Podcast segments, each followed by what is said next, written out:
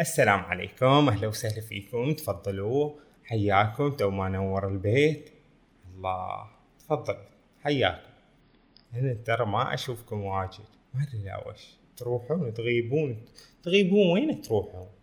خلنا بنتحدث عن علماء المسلمين الجهابذة الطبيعيين اللي تعلموا في الطب وفي الهندسة وفي الرياضيات القديمين. زين بنتحدث عنهم اليوم. زين لأن إحنا تحدثنا قبل عن شنو؟ عن كل علماء غربيين وحتى لو مو غربيين صينيين لو شيء زين بس مو ما في علماء مسلمين. فحين إحنا لازم نعيد الاعتبار لعلمائنا الأفذاذ الأقوياء المتميزين. فكونوا معنا. أستاذ الكريم تفضل خذ كرسيك واسمع الحين هذه مصادر معلوماتنا مستقاة من كتاب شنو؟ كتاب كيف صنع الإسلام العالم الحديث. للكاتب الغربي هذا كتاب غربي هم يعترفون فيه بفضل فضلنا عليهم. شفت شلون؟ الكاتب الغربي مارك جراهام هذا يقول في مقدمة كتابه يقول شنو؟ هذه قصة ينبغي أن تروى لازم نروي لازم نعترف ما نصير كذي جحدة نجحد النعمة اللي جتنا. هذا إحنا سرقنا ترى. سرقنا بقنا زين. بس بقنا بق شريف هذا العلم. الواحد يطلب العلم. فهي قصة نسيت إلى حد كبير. زين. وإحنا ممكن نقول إن هذول المسلمين ديانة ما هي يعني السبب الإرهابيين وكذي هذا مو صحيح. فإن هذه الحضارة الإسلامية شنو؟ بنت إمبراطورية من الثروة والألق. لم يرى العالم مثيلا لها وهي قصة تراث غني. من المعرفة. لم يحفظ بل أعيد تشكيله وأعيد تصوره وهي قصة ولادة النهضة في أوروبا. يعني إحنا ما صا ما كانت لتأتى لتتأتى هذه النهضة في أوروبا. زين لولا المسلمين معقول إنها قصة كيف صنع الإسلام العالم الحديث.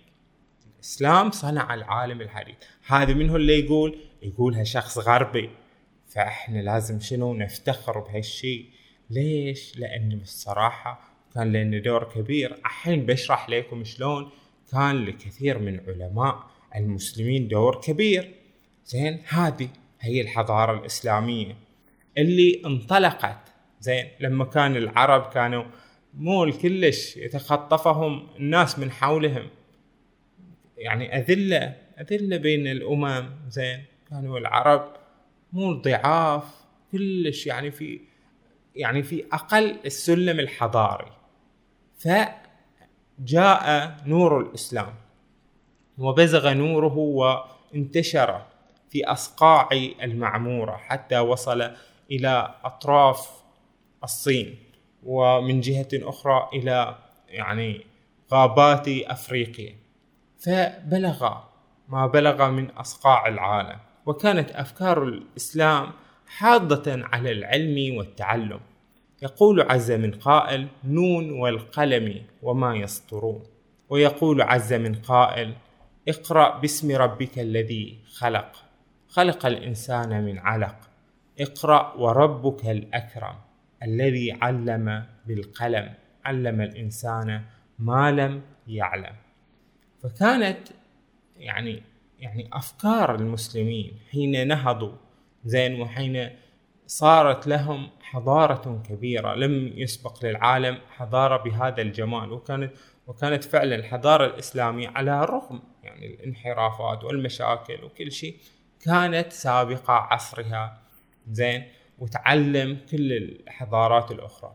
يعني الحضارة الإسلامية في وقتها في يعني في القرون الأولى لها يعني نقول إن الحضارة الإسلامية في القرون السبعة الأولى كانت حضارة يعني متقدمة. هي الأفضل كانت بغداد ودمشق والقاهرة. هذه عواصم الدنيا الواحد لما يروحها من أفضل الأماكن حول العالم في التكنولوجيا في التقدم في التطور في كل شيء. فإحنا الحين خلينا ندش في الطب. لأن الطب الصراحة من أهم الأمور شيء مهم الطب. زين منو عندنا أطباء المسلمين؟ مهم إن إحنا نعرف إنهم من أهم الأمور اللي سووها عشان يتقدمون كثيرا هم إنهم ترجموا. ترجموا منه ترجموا عن اليوناني ترجموا أرسطو وبطليموس وأفلاطون وأبن دقليس وما أدري منه المهم يعني ترجموا كثير من الكتب المهمة العلمية اللي, اللي مالت منه مالت الأغريق. كذلك أخذوا من أيضا الفرس لهم أيضا معارف كثيرة علوم كثيرة خبرات كثيرة من السريان من غيرهم. على طار السريان عندنا حنين بن إسحاق. هذا يعني نصراني زين توفي 260 للهجرة. ترجمة كتاب جالينوس هذا الطبيب الطبيب الكبير زين؟ ترجم كتاب هذا مهم وأيضا ترجموا كتب أبو قراط الطبيب أيضا. فلما أخذوا معارف العالم في الطب بدوا يفهمونها بدوا يجربونها بدوا يتعلمون منها فنشأ في هذا في الحضارة الإسلامية مفهوم المستشفى لأول مرة. البيمارستان أيضا في الإسلام في الحضارة الإسلامية نشأت أول صيدلية. صيدليات لأنهم برعوا في علم العقاقير والأدوية. يروح يجود له عشبة ويخلطها ويجرب هذه يصلح ما يصلح. تعلموا استحدث المسلمون أدوية مهمة وقدموها للعالم مثل جوزة الطيب وعشب الراوند والزئبق والصندل. متخيل وياي؟ تخيل تم يعني واحد مثلا يمرض لا سمح الله يوصفون له زئبق ياكل زئبق. هاي ها ويش يصير في ممكن ممكن يشفى؟ يلا عجل خلي يوصفون لنا زئبق من من أول يمكن يفيدنا يفيدنا؟ ممكن. يقول لك ابن البيطار زين هذا العالم المتوفى 646 للهجرة احتوى كتابه الجامع في الأدوية المفردة. هذا اسم كتابه احتوى على كم؟ 1400 عقار مختلف. عقار سيانيد البوتاسيوم وهالأشياء. يعني أنت متخيل وياي؟ هذه يعني أدوية كثير منها ما اخترعها ولا اكتشفها إلا المسلمون. عرفت شلون؟ تجارة شراء هالأدوية صارت بين المسلمين وبين الأوروبيين وبين الصينيين وبين هذا. يعني تجارة رائجة. ناس اللي من برا يبون بالصراحة الأدوية فكانوا مثلا في البندقية يتاجرون بين المسلمين وبين أوروبا. كان البيمارستان هذا اللي قلنا المستشفى القديم كان للعلاج صحلة. وكان أيضا لشنو بعد؟ لوصف الأدوية. يروحون الصيدلية يعطونهم أدويتهم. بعد وكان مركز تعليمي. يعني هذه جامعة جامعة طلبة الطب يدرسون في هذا البيمارستان. وكان في فصول دراسية يومية. وكانت هذه البيمارستانات والمستشفيات هذه فيها مكتبات. حتى إنه يقول لك في بغداد ودمشق والقاهرة كان موجود أكبر مكتبات طبية في العالم. تخيلين وياي تطور الطب تطورا كبيرا في عهد الحضارة الإسلامية المجيدة. في وقت كانت أوروبا حضرتها زين كانوا مو لا عندهم لا مستشفيات ولا أدوية ولا كتب كانت حالتهم مزرية كلش. في وهدة الجهل والتخلف. هذا الشيء ما يعني إن أنت تقعد تسخر لأنه صح يكون في تخلف احين زين هذا نقولها بعد للأوروبيين لا تسخرون مننا إحنا صح الحين في حالة ضعيفة ولكن إحنا قاعدين نتعلم قاعدين نتطور ويمكن في يوم من الأيام قد يكون قريبا نكون إحنا سادة العالم. وإحنا في بلادنا شنو؟ أفضل الأطباء وأفضل التقنيات الطبية ويجون من كل العالم. عندنا هذا أبو بكر الرازي دوخنا المتوفى 311 للهجرة. هذا مشكلته زين هذا الطبيب الطبيب كبير. زين هذا الصراحه بس ما يؤمن. زين ما يؤمن بالأنبياء. ربوبي خارج عن الدين. هذا الجني هذا أبو بكر الرازي. تم تعيينه مدير لمستشفى بغداد. عينوه. لأنه قالوا إنه هذا يفهم. وليه قصة هذا أبو بكر الرازي؟ إن قالوا ليه نبى نسوي مستشفى جديد؟ فراح أخذ له قطع من اللحم وحطها في علقها في أماكن مختلفة. وشاف اللحم اللي ما قاعد يتعفن قال هني بنسوي فيه شنو؟ البيمارستان الجديد. عرفت شلون؟ كان رجال تجريبي له مدرسة في في الطب كان يجرب كان عنده كتاب الجدري والحصبة ولكن أهم وأشهر وأفضل كتبه كتاب شنو؟ الحاوي في الطب. ترجم في صقلية عام 2000 عام 1279 ميلادية. وظل عند هذولين الغربيين 500 سنة وهم يتعلمون في كتاب هذا الحاوي في الطب. لهذا أبو بكر الرازي جاء أخذتم واحد متدين. بس ويش تسوي هذا هذا العلم. وهذا يعلمنا إن هذول العلماء الطبيعيين مو العلماء اللي ذكرهم القرآن إنما يخشى الله من عباده العلماء. زين؟ فالعلماء الذين خصهم الله وقال إن هذول علماء هذول يخشون من الله. ولكن العلماء الطبيعيين اللي هم الساينتست هذولين مو كلهم ناس أخلاقيين متدينين زينين حتى في علاقاتهم مع أسرهم مع الناس مع العالم. قد يكونون أناس خبثاء. عالم طبيعي وكذي بس هو شخص مو زين. اخلاقيا ما ما تحبه ولا هذا. وفاد فاد البشرية. بعلمه. لأنه عقله عقله يعني موهبة كبيرة. الله أعطاه هذه موهبة كبيرة وفاد بها الناس. هذا إحنا ما لنا علاقة هذا الشخص شنو حسابه في الآخرة؟ زين لأن إحنا مشكلتنا في يعني عند العرب زين والمسلمين عندنا هذه المفارقة الغريبة. نجي ونقول يعني في خطابنا للغربيين نقول لهم إحنا عندنا علماء مثل ابن سينا والرازي وهالأشياء. هذا نقوله كتفاخرا عليهم. بس بعدين لما نجي لما نجي في بيتنا يعني بيتنا الداخلي نقول هذول الرازي وهذول ابن سينا وهذول هذول كفار زنادقة ما نطيقهم. وأي واحد قاعد هذا يعرف بهم وكذي هذا بعد نفسهم.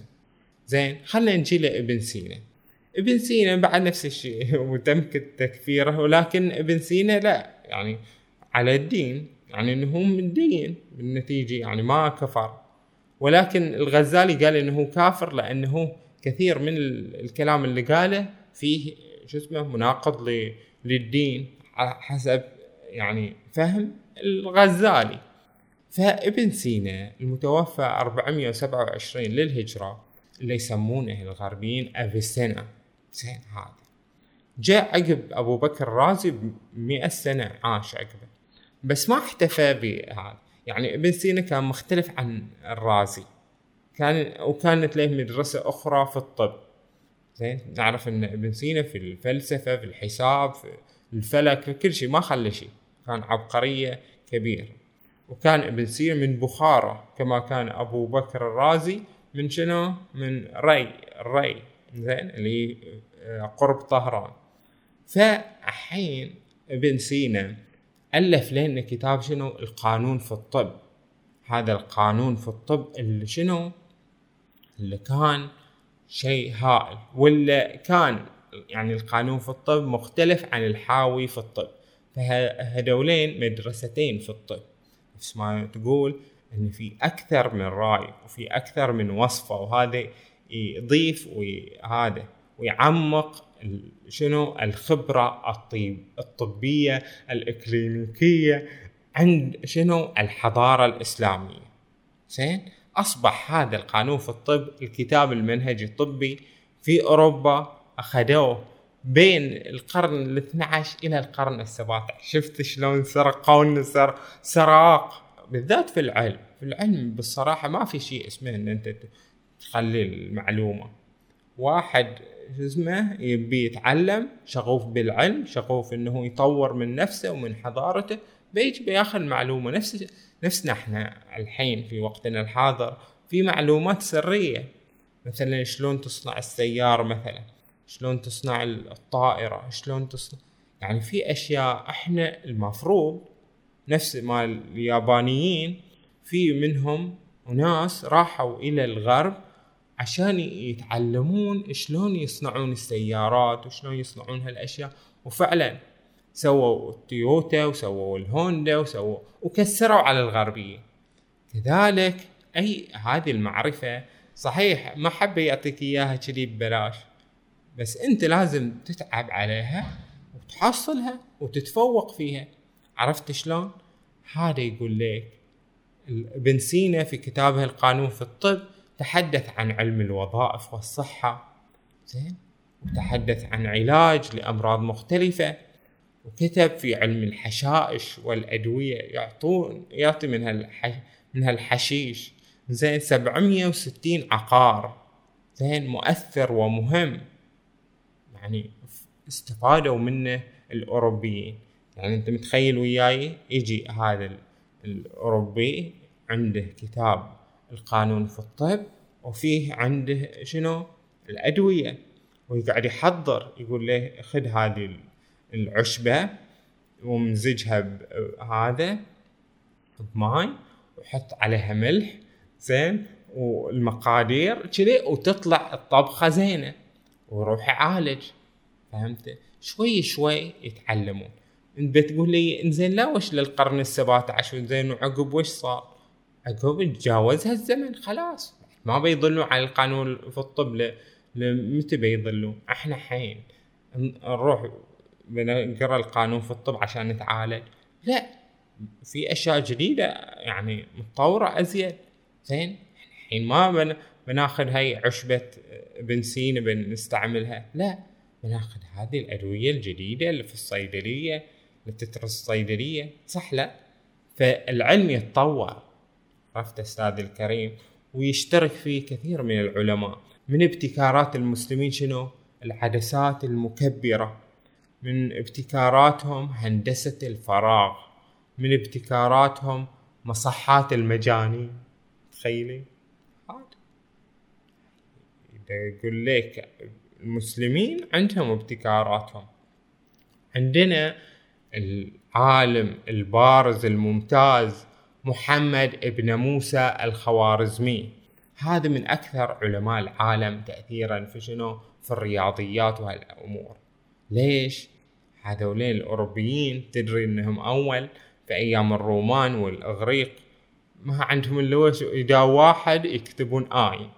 زين؟ اذا اثنين يحطون I I. زين؟ يعني صعبة. I V I معناته مثلا ستة. زين هكذا I V X ما كم الرقم؟ صعبة. فالعرب لما يعني جو اخذوا من الهنود أتوقع اللي هو النظام العشري. هذا هذه الأرقام. فالغربيين الأوروبيين بعدين تعلموا من العرب شنو هذا النظام العشري. الا أضافوا فيه العرب الصفر. زين العرب لهم وشو مزيد إنهم أضافوا الصفر ولأنهم أيضا وشو استفادوا. أنت أحيانا ما تبتكر شيء جديد بس إن أنت تستخدم شيء وت... وت... يعني وتطوره زين كما طوره الخوارزمي. هذا الخوارزمي كتابه شنو؟ الجبر والمقابلة. لما تسمع الجبر تعرف إن علم الجبرة زين. علم الجبر من هو اللي سواه هذا الخوارزمي. زين. وعنده كتاب ترجموه الأوروبيين وسموه شنو؟ Liber Algorismi زين. هذا Liber Algorismi هذا الكتاب يعني لما نشوف Algorismi تغيرت و وتطورت الحين شنو؟ algorithm ما يوحي لكم شيء؟ نقول هاي الخوارزميات هاي كذي كلها منسوبة إلى منه إلى هذا العالم. فحين هذا العالم أضاف الكثير في علم الرياضيات وأوروبا نشوف أنهم من زمن قديم يقعدون يشوفون إذا في كتب زينة عند المسلمين يأخذونها ويترجمونها ويستفيدون منها وإذا استفادوا منها أكيد بيتطورون. صح لا؟ الفكرة مو إن أنت يعني أنت سارق ولا مو سارق. أنت في بلادنا إحنا لو إحنا سرقنا من روحنا إحنا ما اهتمينا واجد لا بهدولين العلماء وهدولين الأفكار وكذي إحنا جو لنا الاوروبي عشان يقولون لنا ترى انتون عندكم الخوارزمي زين. نقول منو الخوارزمي؟ عندكم ابن خلدون زين. وإحنا ما ندرب به أصلا زين. عندكم الاسطرلاب زين. تقول ويش هالاسطرلاب ولا ندرب به. زين؟ فهم جاو ذكرونا باشياء يعني ركزوها لين يقول لنا ترى عندكم هالشيء زين قلنا صدق كنا ناسينه. ليش نسيناه؟ لأن صار في هجوم يعني على ابن سينا على على هاي العلوم عموما باعتبارها نفس ما تقول إن هي هذا قد تكون بعيدة عن الدين. وفعلا كثير من علماء هذولين اللي هم يعني في الحضارة الإسلامية كانوا يعني بعضهم بعيد عن الدين مثل أبو بكر الرازي.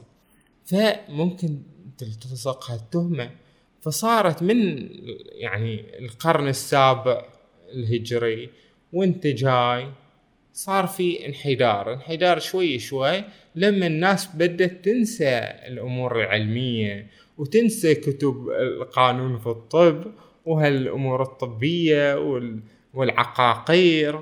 وصرنا شنو؟ يلا على الكتاتيب إذا بنتعلم القراءة والكتابة وقليلين اللي يتعلموا القراءة والكتابة. زين؟ نزل التعليم عندنا. زين؟ يعني عصور يعني العصور يعني السبعمية سنة اللي طافت كانت يعني فيها نفس ما تقول وش؟ تخلفنا عن اللي كنا قبل. يعني قبل كنا أكثر تقدما أكثر تعليما. أكثر آه، يعني في الطب مثلا يعني الطب يعني في العصور الأخيرة كان يعني الطب كلش بسيط. طب شعبي كذي بس. يعني مو طب متقدم. زين شواي هالأشياء زين. وهذا واحد يجي ويطلع الجني وبس. زين. فاحنا نسينا المعلومات وهجرنا هذه الجوهرة المهمة اللي كانت عندنا. وجو الأوروبيين واخذوا هالجوهرة. أخذوا هالجوهرة لما كنا إحنا زاهدين فيها. عرفتون؟ الاسطرلاب اللي إحنا ما ندري هذا وش الاسطرلاب هذه يعني جهاز. جهاز تكنولوجي مهم. في الزمن القديم. خريطة معدنية. تقيس بعد الشمس والقمر والنجوم يشوفون يقيسون. زين هو جهاز لتحديد المواقع العالمية وحساب خطوط العرض. يشوفون هذه إحنا يعني مثلا سمرقند. وين تقع في خطوط العرض؟ وين موقعها عالميا؟ من شي يسوون؟ خرائط الأوليين. زين وخرائط دقيقة. أدرك معظم علماء الفلك المسلمين أن الأرض كروية. العلماء كانوا يعرفون أن هي كروية وساعدهم الاسترلاب على معرفة محيطها. عرفتون؟ يقيسون محيط الأرض كلها بالاسترلاب. اكتشف الراهب جيربرت. زين؟ هذا راهب اسمه جيربرت. راح الأندلس في قرطبة. زين؟ مدينة قرطبة وتعلم عن الاسترلاب اللي كانوا يسمونه شنو؟ جوهرة الرياضيات. هذا الاسترلاب هذا يعني تحفتهم و يعني شيء كبير عندهم ورجع رجع بلاده وكتب كتاب الاسترلاب هذا هذا الراهب جربرت زين بيصير شنو؟ بيصير البابا سلفستر الثاني وهو يعني هذا البابا سلفستر الثاني هذا هذا شنو؟ يعني الوحيد اللي تعلم اللغة العربية واللي اهتم كثيرا بعلوم العرب. وتوفى 1003 ميلادي. يعني 1003 يعني قبل 1000 سنة بالضبط. في شفتون هذا يجي الباب مالهم. زين قبل ما يصير باب جاء الأندلس عشان يتعلم الاسترلاب وراح وداه لهم هناك. وظلوا 400 سنة يستخدمون الاسترلاب زين 400 لو 500 لو أزيد. زي يستعملون الاسطرلاب ويستفيدون منه على معرفة المواقع والأشياء في الأمور الفلكية وفي الأمور. مهم. المسلمين زين. هي مهم يعرفك إن الترجمة و يعني التعلم والكتب زين. هاي هاي اللي تسبب نهضة. يعني سببت نهضة عند المسلمين لما ترجموا الكتب الأخرى في, الحضارات الأخرى الإغريقية والفارسية وغيرها وسببت نهضة عند الأوروبيين لما ترجموا الكتب هذا كتب المسلمين. وكتب المسلمين أيضا يعني أنتم متخيلين وياي كثير من كتب أرسطو وأفلاطون كانت ستضيع لو ما جو المسلمين وترجموها. لأن الأوروبيين جو أخذوا من المسلمين هذه الكتب. واستعانوا بهذا الشارح شارح ابن رشد يسمونه الشارح. زين لأنه هو شرح آه، أرسطو.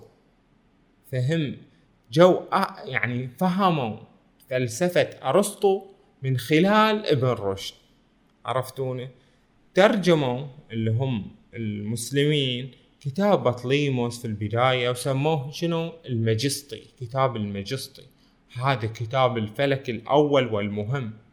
بس جو علماء فلك آخرين مسلمين وليهم نقود على كتاب بطليموس. عندك أبو عبد الله البتاني هذا الرجال عنده أشار ترى بطليموس غلطان في أمور معينة. زين في حركة الكواكب وهذا وكتب هذا أبو عبد الله البتاني. ويش كتب؟ كتب في حركة النجوم والكواكب والشمس والقمر والخسوف والكسوف. زين اهتم المسلمون بالعلم الفلك باعتباره أيضا ضرورة للسفر عشان يعرفون وين الشمال وأيضا عشان يعني لأنهم حضارة كبيرة فلازم يعرفون المناطق عدل عشان يعرفون شلون يرتحلون فيما بينها. ولأن المدن كانت كلها المفروض قبلتها إلى مكة المساجد فكانوا لازم يهتمون بعلم الفلك وعلم الاتجاهات زين فهذا البتاني هذا اللي إحنا ما نعرفه هذا العالم المسلم من هو اللي اقتبسه؟ اقتبسه علماء أوروبيين راحوا ترجموا من الكتب هذا المسلمين في علم الفلك واستفادوا منها من هو اللي استفاد منها؟ مثل كوبرنيكوس مثل جاليليو استفادوا. استفاد كوبرنيكوس وجاليليو هذولين اللي سووا واللي نسب إليهم علم الفلك الحديث واللي هم فعلا يعني هذا أضافوا في فترة تاريخية. زين استفادوا من من منهم من اللي قبلهم. استفادوا من المسلمين استفادوا من الأغريق من هذا وطوروا. زين عندنا نصير الدين الطوسي هذا العالم الكبير. باني مرصد مراقة في أذربيجان اللي يعد أول معهد للبحوث العلمية. زين فيه فلكيين عالميين. زين وفيه شنو؟ مكتبة ضخمة تضم يعني كتب مهمة وفريدة وكبيرة. زين وفيها هذا مرصد مراقة فيه مكائن وفيه آلات. تمثل آنذاك تكنولوجيا متطورة. كانوا المسلمين بارعين في علم يسمونه علم الحيل اللي هو علم الميكانيكا. كانوا يسوون آلات تتحرك. هذا وتطلع صوت وت... يعني عندهم عندهم يعني أشياء. زين بس أنت تستغرب ان إنهم كانوا أوكي وبعدين ضاع هالشي ضاع هالتراب حتى ما ما ظلينا من آثار الشيء إلا شنو؟ كباقي الوشم في ظاهر اليد. عرفت؟ لأن إحنا تخلفنا بعدين. عقب ذاك الزمن حتى عدنا شنو؟ كلش. نقول ما يحتاج ما يحتاج ما يحتاج هالعلوم.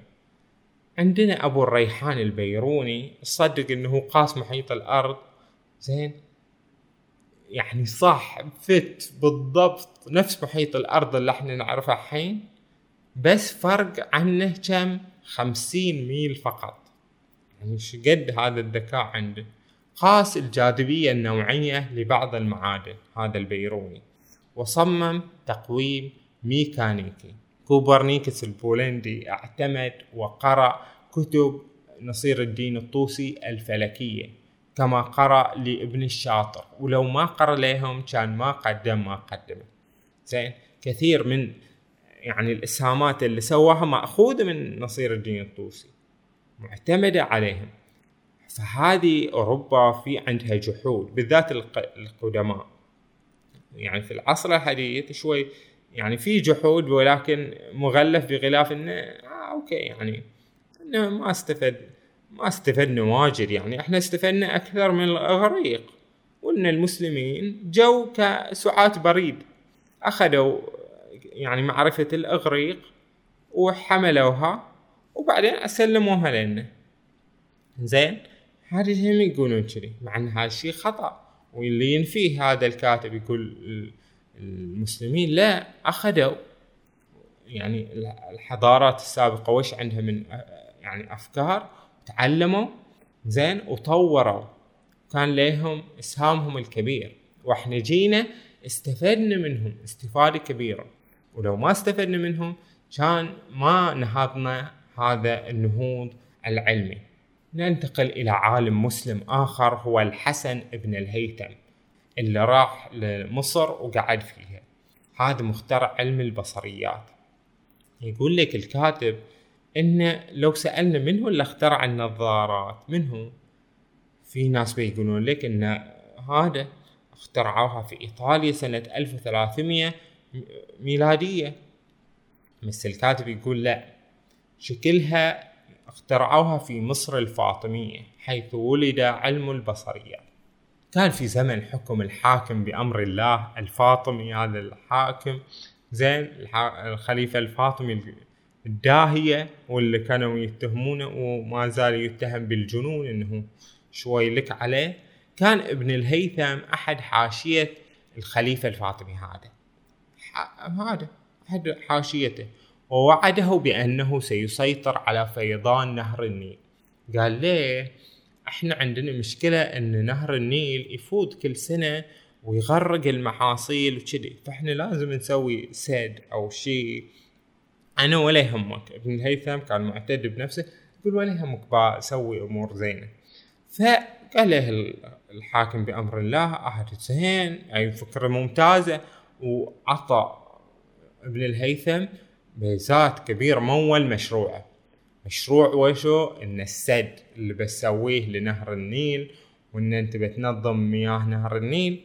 وراح ابن هيثم ابن الهيثم زين يبي يسوي هالشغلة. يشوف يدور يدور راح عند الأهرامات وشاف الأهرامات وش كبرها. قال الحين هذولين قدماء المصريين قدروا يبنوا هالأهرامات وما قدروا ينظمون مياه نهر النيل. أنا حين حضرتي بجي هذا منظم هذه المياه. زين. ودرس الموضوع وشاف إن هي في الواقع صعب صعب ما تقدر تسوي هالشيء فقال إن ما أقدر. بس المشكلة إنه كان بدد كثير من الأموال وضيع السالفة. زين سوى روحه مجنون وإنه مو صاحي. زين وغضب عليه اللي هو الحاكم بأمر الله غضب عليه وهذا خلاه في الإقامة الجبرية أو شيء حبيس داره. زين فظل فظل في حبسته. في ألمه. يقاسي ما يقاسي بس هاي حبسته زين زين يعني جبت منها فايدة. ليش؟ لأنه هو بدأ يعني يكتب في هذا علم البصريات وألف كتاب المناظر اللي يتحدث فيه عن الضوء ويتحدث فيه عن الأمور. زين؟ وتعد العدسة شفت العدسة اللي هذه اللي, اللي صارت نظارة وصارت تلسكوب وصارت مجهر وصارت كاميرا هاي العدسة اختراع إسلامي. يعد يعني الفضل منسوب لمنه للحسن بن الهيثم هذا اللي هو سوى هذه الأشياء. زين؟ هذا هذا بكتابه المناظر زين؟ سوى الشكوك على بطليموس ودرس الضوء وعب وعبر دراسات تجريبية معمقة ووصل إلى هذه النتائج. عرفت شلونه؟ وهذولين دافنشي وكبلر استفادوا استفادوا مباشرة من ابن الهيثم لأنه قرأوا. يعني في عصور النهضة الأوروبية كانوا يقرون مثل هذه الكتابات كتاب ابن الهيثم كتاب ابن سينا كتاب منه بعد؟ هدولين البتاني البيروني نصير الدين الطوسي. هل هالامور ابن الشاطر هذول العلماء إحنا ما نعرفهم. زين هذولاك الأوروبيين أخذوا كتبهم وقاموا يدرسونها أو ابن رشد أو ابن خلدون. زين وتعلموا منهم. عرفت شلون؟ وإحنا قاعدين فوق في سبحانيتنا. زين فالمسلمين أضافوا الكثير. زين أضافوا الكثير بالصراحة. بس هذا يدلنا إن علماء المسلمين بالصراحة كان لهم دور حضاري كبير زين وممتاز. ممتاز الصراحة لا. زين نفتخر به ولازم إحنا بعد نواصل. نواصل إن شاء الله خلاص.